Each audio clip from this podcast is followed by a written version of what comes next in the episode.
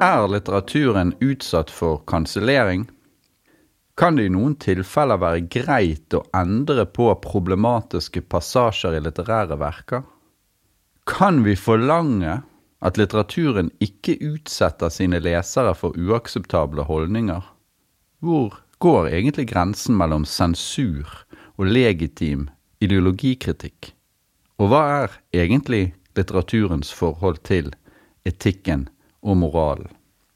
Dette er noen av spørsmålene vi skal se nærmere på i denne utgaven av Akademisk aften. Jeg begynner med å nevne to velkjente eksempler, og så skal vi prøve å bevege oss fra dem og over mot noen underliggende prinsipper. I februar 2023 oppsto det en global kontrovers omkring forlaget Puffin Books i Storbritannia, som annonserte at hundrevis av passasjer i Roald Dahls forfatterskap skulle revideres etter å ha blitt gjennomgått av eh, såkalte sensitivitetslesere. Dette førte til en eh, global mediestorm som etter hvert fikk forlaget til å justere planene sine. Man skulle beholde revisjonene, men i tillegg publisere en utgave med såkalt klassisk Roald Dahl, hvor originalteksten var beholdt. Men alle e-bokversjonene av Dahls bøker ble faktisk umiddelbart forandret til disse nye reviderte versjonene. Denne debatten kan til en viss grad sammenlignes med den langt mildere revisjonen av Pippi Langstrømpe-bøkene i Skandinavia i 2006. Det neste eksempelet som jeg skal snakke om da etter hvert, Eh, det er det mest eh, berømte eksempelet på kanselleringskultur i bokverden, og gjelder JK Rowling, forfatteren av Harry Potter-bøkene. Kontroversen knytter seg primært til noen Twitter-meldinger Rowling skrev i 2020, hvor hun vektla biologisk kjønn på en måte som av mange ble oppfattet som transfiendtlig. Denne kontroversen pågår fremdeles, bl.a. fordi Rowling ikke har villet gå tilbake på noe av det hun har sagt. Noe av grunnen til at kommentarene hennes ble oppfattet som så særlig sårende, det var at eh, Harry Potter-bøkene var blitt omfavnet av mange lesere som av ulike grunner hadde opplevd utenforskap, og som i dette universet opplevde å bli inkludert. Nå følte mange av disse leserne seg sveket og aggresjonen mot Rowling ble desto større. Kontroversen om Roald Dahl og den om JK Rowling angår etter mitt syn to litt ulike spørsmål. I det første tilfellet dreier det seg om problematiske utsagn i bøkene, eller formuleringer, da, mens det i det andre tilfellet dreier seg om problematiske utsagn som forfatteren har ytret utenfor bøkene. I det første tilfellet er det snakk om revisjoner, eller et krav om revisjoner. I det andre er det snakk om oppfordring til boikott. Jeg skal først uh, diskutere det første spørsmålet, og så gå videre til det andre. Det første spørsmålet gjelder altså revisjoner av bøker som inneholder rasistiske, sexistiske, homofobe eller andre ideologisk støtende passasjer. Her bør man, etter mitt syn, trekke en distinksjon mellom barnebøker og voksenbøker. Barnebøker har alltid en didaktisk dimensjon, dvs. Si at de ikke bare skal være underholdning, men også lære barna hvordan verden er skrudd sammen. Voksenbøker av den høykulturelle typen, slike som f.eks. er skrevet av Knut Hamsun eller Sigrid Undset, må primært oppfattes som unike litterære kunstverk. Dermed skulle det allerede være klart at det er stor forskjell på å revidere barnebøker og å revidere seriøse voksenbøker. Barnebøker må, for at de fremdeles skal bli lest, kunne fungere som barnebøker. Bøkene om Pippi fungerer utmerket, i min erfaring, men eh, dagens foreldre har ikke lyst til å presentere unger for en pappa som er, sitat, negerkonge. Når dette ordet ble forandret til sydhavskonge, som på mange måter også er mer treffende, er problemet løst. bøkene fungerer. Her kan man uten videre si at revisjonen var til fordel for verket, slik forleggeren Anders Heger pekte på i en kronikk tidligere i år. Revisjonen har sikret at bøkene om Pippi kan leve videre for nye generasjoner av lesere. Dette betyr imidlertid ikke at alle revisjoner av barnebøker er av det gode. Alle som er kjent med Roald Dahls verk, vil vite at det tiltrekkende ved disse bøkene er uløselig knyttet til deres aura av noe skremmende, noe forbudt. De inneholder elementer av ondskap, av menneskefiendtlighet, og har en aggresjon i ordbruken som det går an å fryde seg over. For eksempel når fortelleren kaller en kvinne for ugly old cow, eller beskriver hvordan kjempen blodgulperen gafler i seg mennesker, voksne som barn, hver eneste natt. Her, altså i tilfellet Roald Dahl, er endringene langt mer problematiske enn i tilfellet Pippi, fordi de står i fare for å frarøve verkene deres egenart, og dermed også noe av deres litterære verdi. Det står ikke lenger Ugly Old Cow hos Dahl, men Ghastly Old Shrew, som tydeligvis er å betrakte som mindre støtende. Revisjonen av Dahl er mange og varierer fra det harmløse via det idiotiske og hele veien frem til det jeg ville betegne som litterært hærverk. Et eksempel på en idiotisk revisjon er utskiftningen av betegnelsen tykk, fett, med enorm, enormous, på Augustus Gloop i Charlie og sjokoladefabrikken fra 1964. For uansett hvilket ord man bruker her, så er det jo et faktum at gutten er overvektig, og at boken fremstiller dette som en konsekvens av at han er en bortskjemt slikkmunn. Dessuten legger boken opp til at dette faktisk er noe han fortjener å straffes for. Og dette kan man altså ikke endre på ved å bytte ut ordet som betegner hans overvekt, med et mindre tungtveiende ord. Sånn at uh, her har sensitivitetsleserne kort sagt vært for lite sensitive for verkets mening. Og det har de også vært, uh, etter min mening, da, i den innskutte setningen om heksene i boken av samme navn, der det hos Dahl heter at hekser bærer parykker fordi de er skallet, fremstår for meg som tilforlatelig. Mens i den nye versjonen så legges det her til en setning. Det står det fins mange andre grunner til at kvinner kan velge å gå med parykk, og det er det selvfølgelig ikke noe galt i. Altså, ikke bare er den setningen unødvendig, den bryter også totalt med tonen i verket. Dette er et eksempel på litterært hærverk. Kort oppsummert. I tilfelle Roald Dahl har forlaget gått altfor langt og fortjener krass kritikk. Det kan godt hende at noen milde revisjoner av enkelte unødvendige, støtende ord kunne ha styrket disse bøkenes mulighet for å overleve i de neste 50 årene. Men eh, her, altså i de revisjonene som faktisk er blitt gjort i dette tilfellet, så har man simpelthen vært altfor opptatt av at bøkene skal stemme med vår tids ideologi, og at de ikke skal støte noen. Og de har hatt for liten respekt for bøkenes litterære integritet. Ikke desto mindre er det altså, som Pippi-eksempelet viser, uklokt å gjøre det til et prinsipp, et ufravikelig prinsipp, at barnebøker aldri skal revideres. Men eh, hva da med revisjoner av seriøse voksenbøker, dvs. Si litterære verk som har kunstneriske pretensjoner? Det fins selvfølgelig en lang rekke problematiske utsagn i mange av fortidens litterære klassikere. Bør vi revidere også disse for å sørge for trygge leseropplevelser for nye lesere? Her er svaret nei. Enkelt og greit. Her kan man ikke endre på ord av ideologiske grunner. På dette punktet er det, etter mitt syn, nødvendig å være prinsipiell. Dette kan man aldri gjøre. Dette betyr ikke at disse bøkene er hevet over kritikk.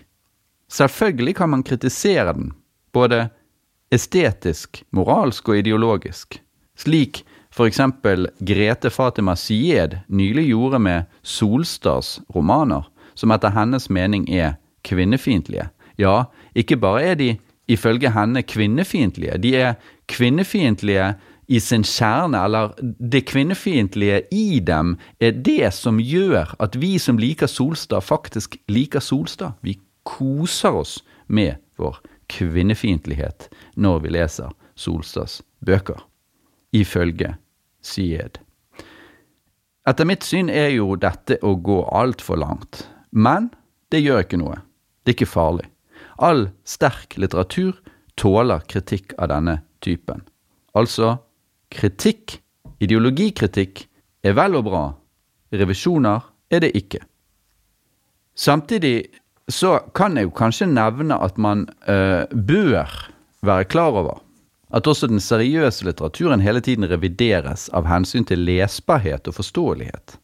Sånn at uh, de aller færreste av norske lesere har lest Camilla Collett eller Henrik Wergeland eller Henrik Ibsen i opprinnelig språkdrakt. Man endrer rettskrivning, og i visse tilfeller også enkeltord som byttes ut, altså. Dette må selvsagt alltid gjøres nennsomt. Det gjøres ikke alltid nennsomt, men det bør gjøres nennsomt av profesjonelle edisjonsfilologer. Eh, og det ville ha vært en stor fordel om det fremdeles ble trykket utgaver som beholdt originalen helt intakt. Men når det ikke lenger gjøres, da, så skyldes det selvsagt helt andre ting enn kanselleringskultur. En annen kategori av bøker som vi hittil ikke har diskutert, er underholdningslitteratur for voksne. Her har man igjen en bruksdimensjon som er annerledes enn hva tilfellet er for den diktningen som gjør krav på å bli vurdert som språklige kunstverk. Et eksempel her er revisjonen av Ian Flemings bøker om James Bond. Her dreier det seg, i alle fall så vidt jeg har forstått det, primært om å fjerne passasjer som eh, fremstår som rasistiske for eh, dagens lesere. Et eksempel som nevnes i The Guardian, er en scene der Bond er på nattklubb i Harlem i New York, og fortelleren refererer til publikum på følgende måte. They were panting and grunting like pigs at the trow. Og dette er da blitt endret til Bond could sense the electric tension in the room. Og her må jeg jo si det at eh, ja, jeg tror ikke verket taper på å bli endret her. En liten endring. Men det må jo gjøres mye bedre enn dette. Fordi at den nye setningen er unødig fargeløs. Den er en klisjé, og har dessuten et ganske annet meningsinnhold enn originalen. Altså, uh, Denne setningen bør jo beholde det at det foregår en ganske sånn voldsom, uh, litt sånn sterkt kroppslig da, dans på, på gulvet der. Um, det, det, er noe annet enn electric tension in the room. Det, det, er ellers her da et poeng at beskrivelsen utsies av den autorale fortelleren og ikke av Bond selv. for hvis Bond, James Bond, hadde sagt dette, ville saken naturligvis vært annerledes, for da er det den fiktive karakteren og ikke bokens egen stemme som eventuelt er rasistisk. Eh, og det er jo klart at det fremdeles må være både tillatelig og nødvendig å skildre folk som har rasistiske holdninger, og gi uttrykk for dem. Og, og, og til og med det på en måte som kan være moralsk tvetydig. Eh, det må være tillatt, eh, men, men i dette tilfellet så så vil jeg jo tro det at Altså, det vil jo ikke være et poeng for Flemming å fremstille James Bond som hvis det hadde vært han som hadde sagt det, da, som rasistisk. Og dermed så vil det være på siden av det, eh, av det forfatteren eh, prøver på. Sånn at her er det vel mer det at det rasistiske ligger litt i eh, gjengse holdninger i tiden, som ikke lenger er gjengse, heldigvis, og som dermed bør oppdateres oss i dag. Ok, Eh, for å oppsummere noen hovedpoenger. Det er andre regler for brukslitteratur enn for litterære kunstverk. Dessuten, alle revisjoner av brukslitteratur må vurderes konkret og ikke generelt eller prinsipielt. Og dessuten, revisjonene må være bra. Det kan godt hende at det er nødvendig med sensitivitetslesere når revisjoner skal foretas i avdøde forfatteres verker men disse leserne bør ikke få siste ord. Siste ord må alltid ligge hos redaktøren, og dette bør være en person med litterær kompetanse, som har innsikt i det konkrete verket, som kjenner og liker, setter pris på dets litterære kvaliteter og dets indre logikk. For også i brukslitteraturen må man unngå litterært hærverk. Jeg kan jo her legge til, da, som en slags liten aside, at eh, folk som sympatiserer med disse revisjonene, eller denne typen revisjoner som følge av at de selv har gode holdninger, eh, bør være klar over at det ofte er sånn at revisjonene eh, skjer av minst like stor grad av kommersielle hensyn enn av politiske grunner. Og det, dette er et sånt sentralt varsku, etter mitt, mitt skjønn, da, for alle, særlig på venstresiden. Nemlig at uh, den politiske kampen har en tendens i vår tid til å bli appropriert av storkapitalen, og dermed korrumpert. Så, så, ingen bør være for tilsynelatende velmente revisjoner på prinsipielt grunnlag. Uansett hvilken litteratur det er snakk om. Ok, vi går videre. Er det riktig å boikotte forfattere med dårlige holdninger? Her går vi altså fra spørsmål om revisjoner til forslag om boikott. Og det er vel kanskje først da at vi kan snakke om kanselleringsforsøk. Eh, JK Rowling er her et eksempel i den forstand at hun har vakt stort sinne, ikke minst blant sine egne lesere ved sine uttalelser på Twitter. Uh, slik sett kan saken minne litt om Hamsun, uten at det dermed vil sammenligne Rowlings syn på kjønn med Hamsuns støtte til nazismen. Selvsagt ikke. Men det som ligner, det er skuffelsen. Den store skuffelsen og det påfølgende hatet. For dette var en person som vi hadde elsket. Og leserne elsket Hamsun. Hamsun var ikke en forfatter som man bare likte. Man elsket ham, slik veldig mange lesere også elsket Rowling. Og så opplever man altså at denne personen svikter oss på det groveste. Og da blir reaksjonen sterk. Det blir sterke følelser, negative følelser. Man får lyst til å slenge disse bøkene pokker i vold. I utgangspunktet så har dette etter mitt syn ikke så veldig mye med litteratur å gjøre. Det vi snakker om her, er markeringer av politiske uenigheter eller politisk motstand. Innenfor lovens rammer har lesere naturligvis rett til å uttrykke sin uenighet i så sterke ordelag som de ønsker. Og de har selvfølgelig lov å rope på boikott. For min del må de gjerne også arrangere bokbål. Men også her går det en grense. For eksempel bør man som bibliotekar ikke ta stilling i denne striden, i alle fall ikke i kraft av sin bibliotekarstilling, for eksempel ved at man begynner å gjemme bort bøker av Rowling, eller fase dem ut av bibliotekenes samlinger. Slike handlinger går utover litteraturens frihet og er et utillatelig inngrep i lesernes rettigheter. For en bibliotekar er ansvaret overfor litteraturen og leserne ikke overfor bestemte grupperinger. Som forlagsansatt kan du naturligvis si opp jobben i forlaget som utgir Rowlings bøker, og deretter agitere mot henne så mye du vil.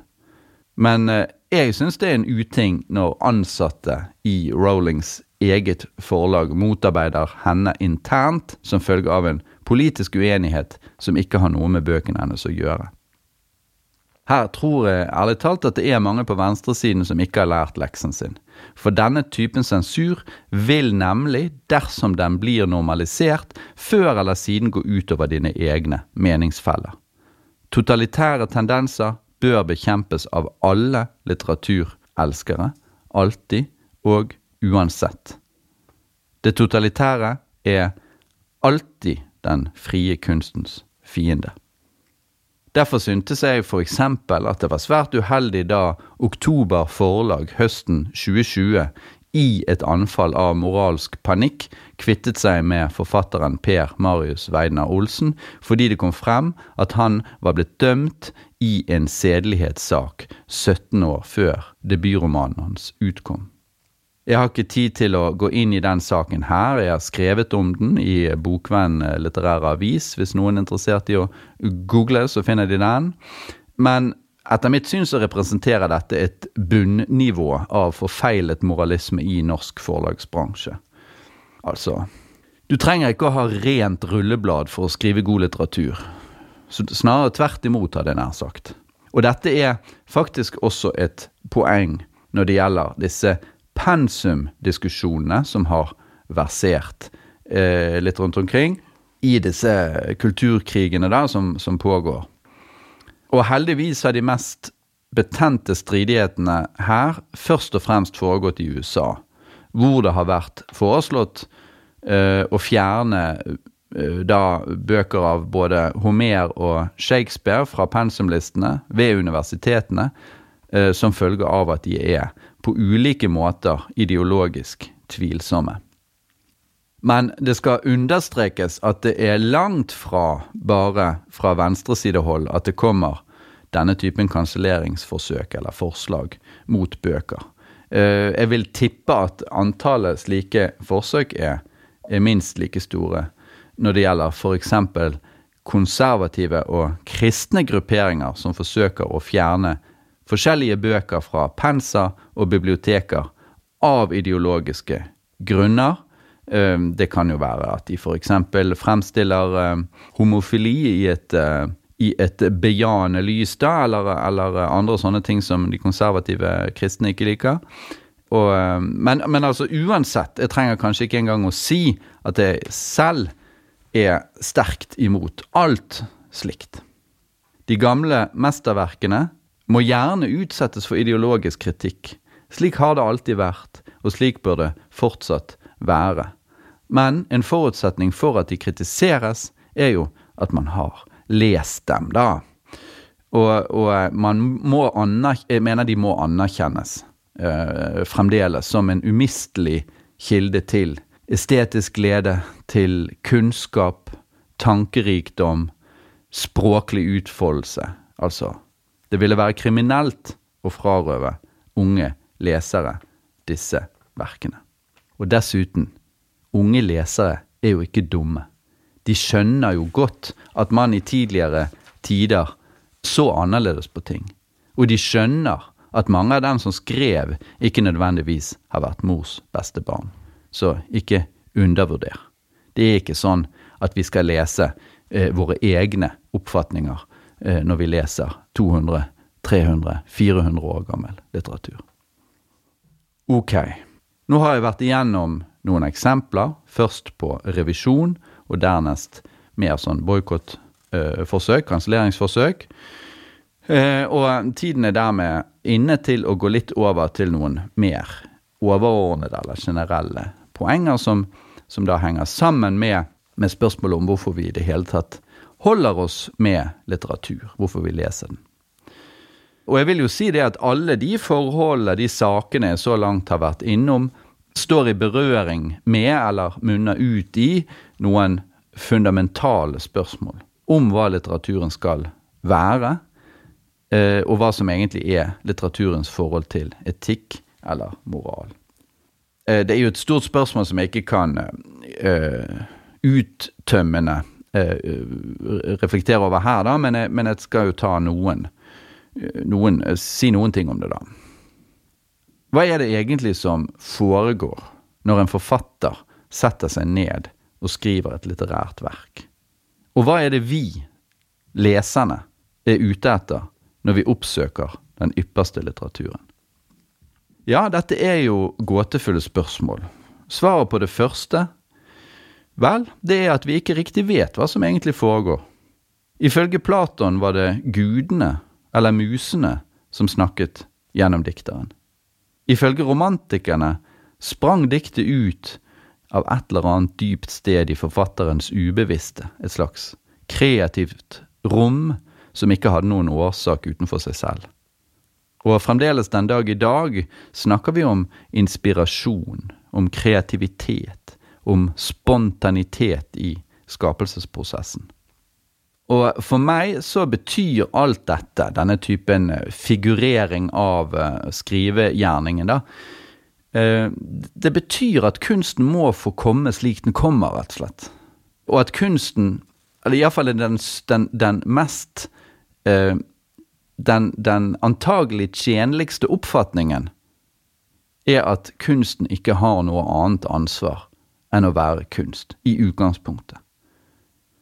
Jeg tror ikke at noen av oss er tjent med at kunsten går gjennom en ideologisk sensurinstans før den slippes løs på leserne. Etter at den er utkommet, og det er jo alltid en prosess, det er jo ikke sånn at alt som skrives nødvendigvis skal komme ut, men, men prosessen må jo være en, en vurdering av hvorvidt dette er bra litteratur, først og fremst, ikke om det er bra ideologi. Men etter at boken er kommet ut, verket er kommet ut, så kan det naturligvis utsettes for kritikk.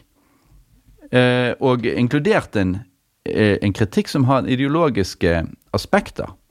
Men en ren ideologisk kritikk vil etter mitt syn alltid bomme. Iallfall hvis vi snakker om genuine kunstverk. Fordi den glemmer at kunsten ikke først og fremst er en tjener av ideologien, og heller ikke skal være det. Ibsen skrev, som kjent, at det å dikte er å holde dommedag over seg selv. Og eh, han satte dermed ord på diktningens nådeløse aspekt. Så en forfatter må lage noe nytt, noe som ikke har vært laget før. Og, og i min, eh, min, oppfatning er alle midler tillatt for å få det til. Det kan f.eks. handle om å dykke ned i det ubevisste, og hente opp ting der som kanskje aldri har vært fremme i lyset før. Og, og, hvis man gjør det, da, og graver så å si i seg selv, eh, så, så, kan man ikke, når man da merker at verket er i ferd med å vokse frem, så, så kan man ikke holde tilbake som forfatter. Og resultatet, altså det sterke litterære verket, kan ikke bedømmes etter hvorvidt det er ideologisk rent eller ikke. For det finnes en hensynsløshet i kunsten som er uløselig knyttet til kunstens frihet den litterære kunsten, den kanoniske litteraturen, viser oss hvem vi er, og kanskje også hvem forfatteren er, og viser da ofte et annet bilde enn det vi gjerne ellers liker å vise frem i offentligheten. Og derfor er forfattere sårbare. Og derfor er forfatterforakt en skadelig ting og særlig når den er basert på eh, ideologi. Litteraturen gir oss ikke bare en fremstilling av de menneskene vi har lyst til å være, og de vi har lyst til å applaudere. Den viser oss de menneskene vi er. Det vil si, den viser oss også våre uakseptable sider. Vår egenkjærlighet, våre antipatier, våre ambisjoner, vår skam, vår sårbarhet, vårt skitne lille hjerte, som det heter et sted, men selvfølgelig også vår glede, vår kjærlighet, vår jubel. Men derfor så har det jo da ofte vært sagt, altså litt ut fra det som jeg nå har eh, bare sånn skissert opp, så har det jo ofte vært sagt at eh, litteraturens mest grunnleggende etikk består i at den er sann. Den er ikke sann på den måten at alt som står der, kan etterprøves som verifiserbare fakta. Naturligvis ikke.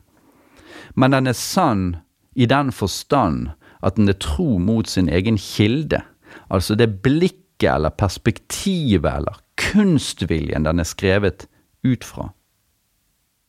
Hvis man som forfatter begynner å gjøre kompromisser her, så vil leseren straks merke det. Det vil tre inn en dissonans, en uoppriktighet i verket, et behov for å bli likt, for å bli klappet på skulderen av dem du er enig med, osv. Det går ikke. Det holder ikke.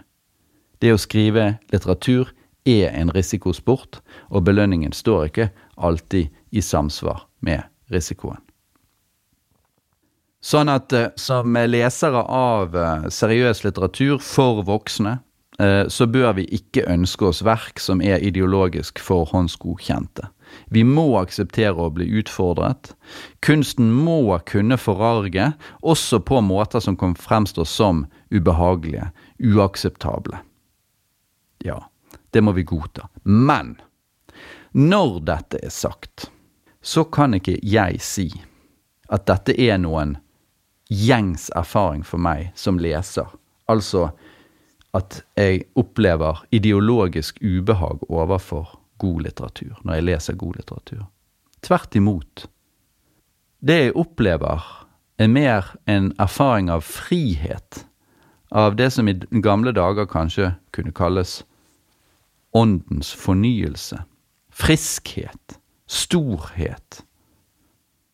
Når jeg opplever ideologisk ubehag, så er det stort sett fordi boken ikke er så god. Og dette er jo på mange måter litt gåtefullt. Altså, den store litteraturen, den gode litteraturen, den er ærlig med hensyn til menneskets skyggesider. Og likevel, likevel opplever jeg den som grunnleggende human. Grunnleggende ikke-fiendtlig, eller ikke-fordømmende overfor det menneskelige.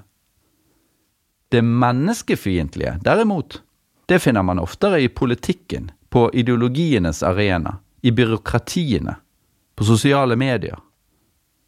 Sånn at bak litteraturens hensynsløshet ligger den store forsoningen med alt menneskelig. Og det er vel til syvende og sist her, i alle fall jeg finner litteraturens egentlige etikk. Litteraturen blir i alle fall ikke etisk ved at den avstår fra å vise våre rasistiske eller sexistiske tendenser, ved å bli entydig i så måte, eller ved å avstå fra å vise at vi alle sammen kan være smålige eller besatt av et forbudt begjær eller eh, eh rasistiske fordommer, f.eks. For den blir heller ikke etisk ved å utstyre alle beskrivelser av tvilsomme karakterer med klare signaler om at dette er folk man bør ta avstand fra. Litteraturens etikk ligger dypere enn som så. Den ligger i den store forståelsen, i innlevelsen og den anerkjennelsen som følger av denne innlevelsen, altså at dette også kunne ha vært meg. Og Derfor mener jeg at det er grunn til å være på vakt mot vår samtidsmoralisme. Og vår samtid er på mange måter preget av en ny moralisme. Det er iallfall min erfaring. Nobelprisvinneren Katsuo Ishiguro satte ord på denne bekymringen for et par år siden. Eh, han sa da i et intervju at han var redd for at særlig yngre forfattere bedrev selvsensur som følge av frykten for å få en illsint Twitter-mobb på nakken. Og dette er jo en bekymring som helt sikkert er større i det engelsktalende området enn i Norge. Men det er likevel grunn til å ta den alvorlig. Eh, I alle fall så syns jeg det er grunn til å understreke at når forfatterne begynner med dette, altså å drive selvsensur, så er ikke resultatet av det at man får en mer etisk litteratur. Det man får, er en mer konform litteratur, en dårligere, en kjedelig litteratur, en ideologisk litteratur.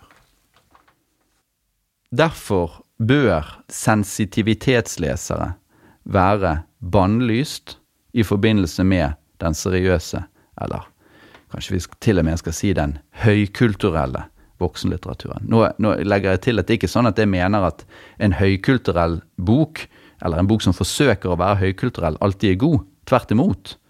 Eh, høykulturelle bøker er svært ofte dårlige. Eh, nettopp fordi de forsøker å være eh, på, befinne seg på høyeste nivå. Da kan det ofte være bedre med en en, å lese en bok som lykkes på et så å si et lavere ambisjonsnivå. Dette er en slags aside. Men altså, vi, vi kan likevel, syns jeg Jeg syns det er, går an å snakke om en, en høykulturell voksenlitteratur, og når den er vellykket, så er jo den nettopp etter mitt syn da, eh, mer verdifull enn brukslitteratur. Men det kan man sikkert være uenig i, altså. Men jeg, jeg, tror, jeg, tror, at vi må opprettholde den distinksjonen selv i våre dagers, eller ikke, ikke minst i våre dagers populærkulturelle verden. Eh, men altså, hvis slike forfattere, altså forfattere av seriøs voksenlitteratur, begynner å skrive med sensitivitetslesere i tankene, så vil det, tror jeg, føre til en nervøs og fryktsom litteratur altså en selvsensurerende litteratur, fordi at det alltid er slik når man skriver, at man så å si skriver inn en forventet leser i, i selve skriften. Og det er vi ikke tjent med. Forfattere må føle at de kan gi gass, altså bare måke på, som Tur Erik Lund i sin tid uttrykte det. Koste hva det koste vil. Og vi som er lesere, eller kritikere, bør nok ikke være så ivrige etter å sette oss på vår høye hest, eh, moralsk sett, i møte med passasjer som ikke er i tråd med den offentlige mening. Vi bør huske på at det aldri kan være litteraturens oppgave å etterplapre det som til enhver tid gjelder som den offentlige mening. Det jeg nå har sagt, betyr jo ikke at vi ikke responderer moralsk når vi leser.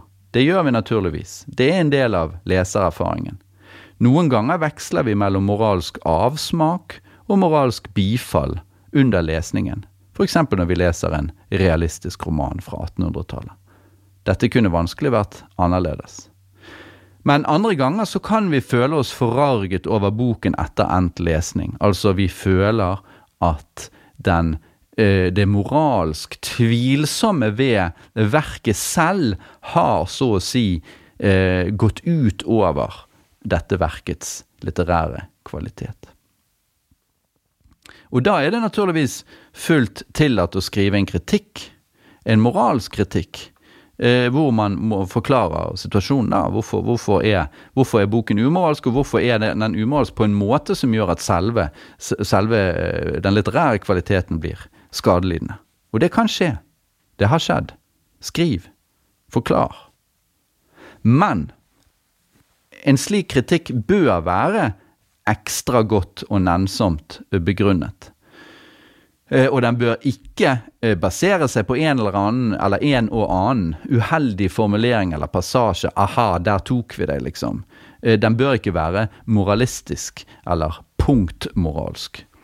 Den må vise hvordan selve hoveddriften i verket beveger seg i retninger som vi føler oss kallet til å ta til motmæle mot. Eh, men i min erfaring igjen da, så gjelder dette typisk bøker av lavere estetisk verdi. Skjønt jeg er ikke helt sikker på om jeg kan bevise det.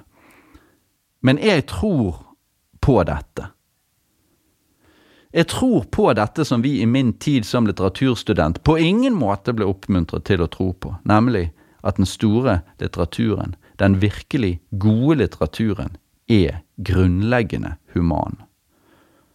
Ikke bare fordi intet menneskelig er den fremmed, som det het, eller heter, men også fordi den skyr ensidigheten, det envise, det ideologisk doserende. Den store litteraturen finner svært ofte frem til innsikter og verdier som forfatteren ikke selv ville ha funnet i noen andre situasjoner enn nettopp i produksjonen av dette verket. Litteraturteoretikeren Georg Lukács kalte dette for realismens seier.